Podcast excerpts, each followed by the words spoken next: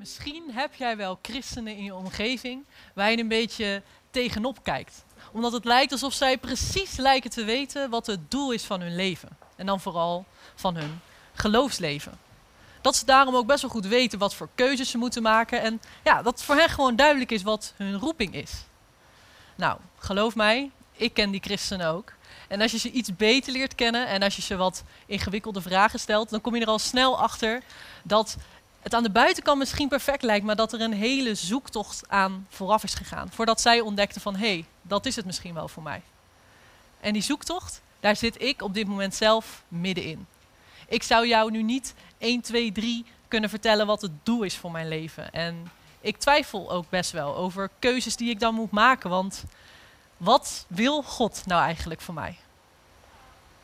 Nou, ik werk als redacteur bij Beam en samen met mijn collega's lees ik daarom alle berichtjes die jij en je leeftijdsgenoten naar ons sturen. En die berichtjes luiden best wel vaak als volgt. Namelijk, hey Beam, ik moet een belangrijke beslissing maken en ik wil heel graag doen wat God van mij wil. Maar wat wil die nou? En in die berichtjes zijpelt soms ook best een beetje angst door om de verkeerde beslissing te maken. Dat je wel echt wil doen wat God wil, maar ja, hoe kan je dat nou weten? En dan ben je bang dat je precies datgene kiest dat God niet wil. Is dat een beetje herkenbaar? Ik ben een stuk tegengekomen in de Bijbel waar ik super enthousiast over ben. Het staat in 2 Korintiërs 4 en die is geschreven door Paulus. Paulus is een, ja, mag ik wel zeggen, bijzondere man. Hij is heel hoog opgeleid en hij heeft een hele bijzondere switch gemaakt. Hij begon met het vervolgen van christenen, echt met geweld tot op de dood. En hij is na een ontmoeting met Jezus geswitcht naar zelf christen worden. En hij schrijft dus meerdere brieven aan die gemeente in Korinthe.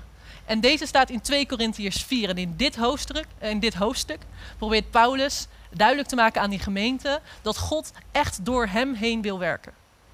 Want in de gemeente van Korinthe, het was een beetje een puinhoop. Je moet het zelf maar eens lezen. Het ging allemaal verkeerd. Maar Paulus probeert te zeggen: jongens, God werkt door mij heen. Kijk maar. We beginnen te lezen in vers 7. Het goede nieuws is een kostbare schat. En ik ben een breekbare kruik waar die schat in bewaard wordt. Dat is goed. Want daardoor is duidelijk dat de enorme kracht van het goede nieuws niet van mij komt, maar van God. Nou, wat ik daar een beetje uithaal, is dat die kostbare schat in ons, dat dat dus het goede nieuws is. En dat goede nieuws wordt ook wel het evangelie genoemd. En dat is de boodschap dat God van jou houdt. En dat hij zijn zoon Jezus naar de aarde heeft gestuurd om te sterven voor alle verkeerde dingen.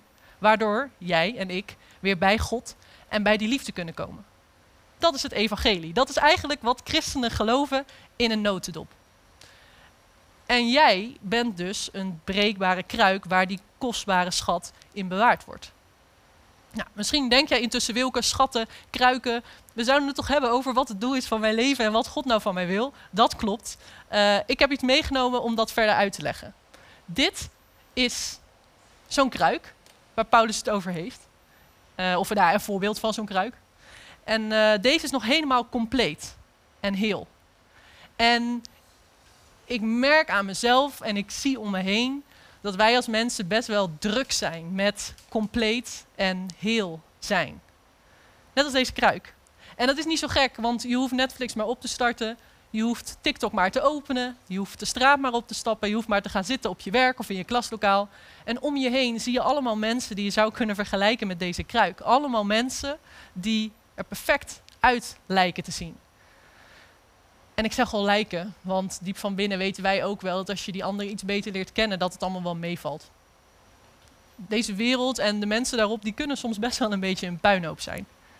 En laat ik het bij mezelf houden. Ik dacht dat is wel net zo netjes. Ik ben ook niet perfect.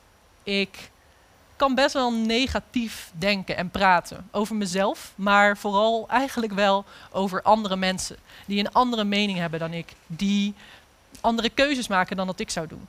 En daar ben ik helemaal niet trots op. En ik weet ook vrij zeker dat als ik jou vraag, joh, denk heel kort even na. Heb jij dingen in je gedrag, heb jij dingen in je karakter waarvan je denkt, daar ben ik niet echt trots op. Kan je dan iets bedenken? Ja, vast wel. En stel je kan niks bedenken en je bent best wel het perfecte plaatje, dan zit het er helaas best wel dik in dat andere mensen jouw perfecte plaatje, jouw complete kruik al lang kapot hebben geslagen. Er zijn zoveel verhalen bekend over misbruik, over pesten, over geweld, over racisme. We doen zo ontzettend ons best om compleet te zijn. We doen zo ontzettend ons best om het perfecte plaatje in stand te houden, maar het lukt niemand. De ene persoon brokkelt misschien stukje bij beetje af en de andere persoon, zijn kruik, klettert in één keer uit elkaar.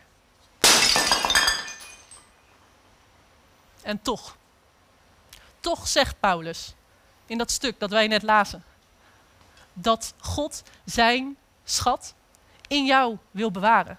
En dat vind ik dan zo lastig om te geloven, want waarom heeft God nou juist de mens gekozen als een platform om te laten zien hoe groot hij is? Maar ja, het staat er echt en ik wil die tekst geloven. En een hoofdstuk eerder, in hoofdstuk 3, zegt Paulus zelfs dat hij wil, dat, dat hij heeft opgeschreven dat God wil dat zijn glans van jouw gezicht straalt. Dat is bizar. Dus blijkbaar wil God, ondanks hoe breekbaar wij ook zijn, ons echt gebruiken en wil hij jou ook gebruiken. Gewoon zoals je bent. Dus met jouw karakter, met jouw creativiteit, met jouw humor, met jouw omgeving.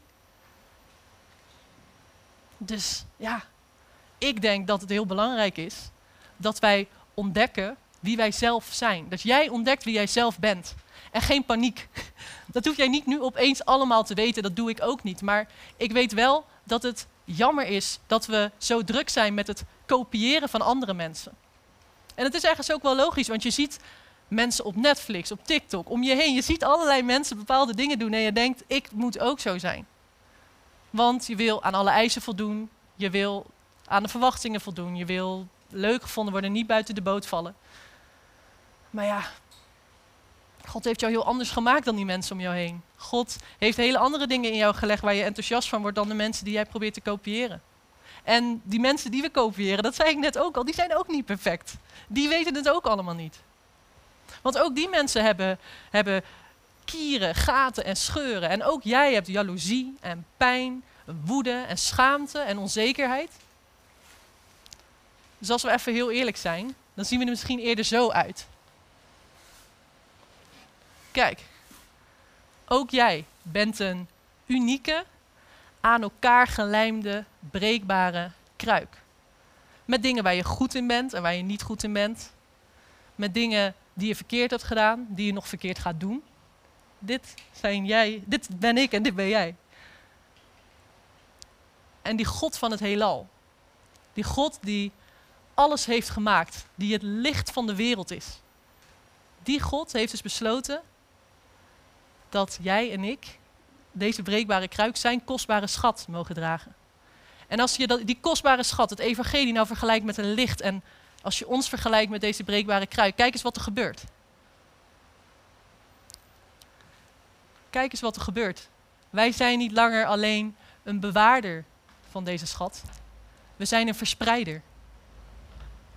Johannes de Doper zegt het fantastisch in Johannes 3, vers 30. Daar staat: Jezus moet steeds belangrijker worden en ik moet steeds minder belangrijk worden.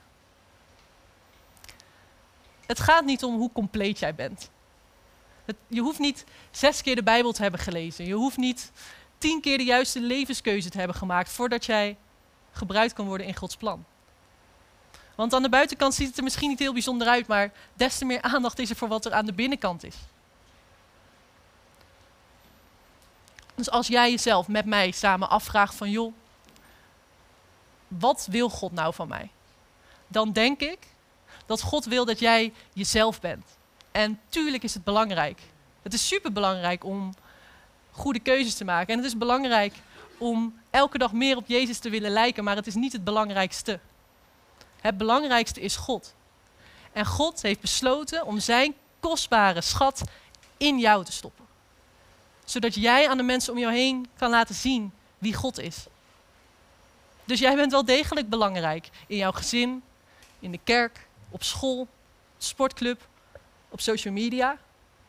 Want jij kan met al jouw kieren, scheuren en gaten iets laten zien op een unieke manier van wie God is. En dat heeft de wereld nodig.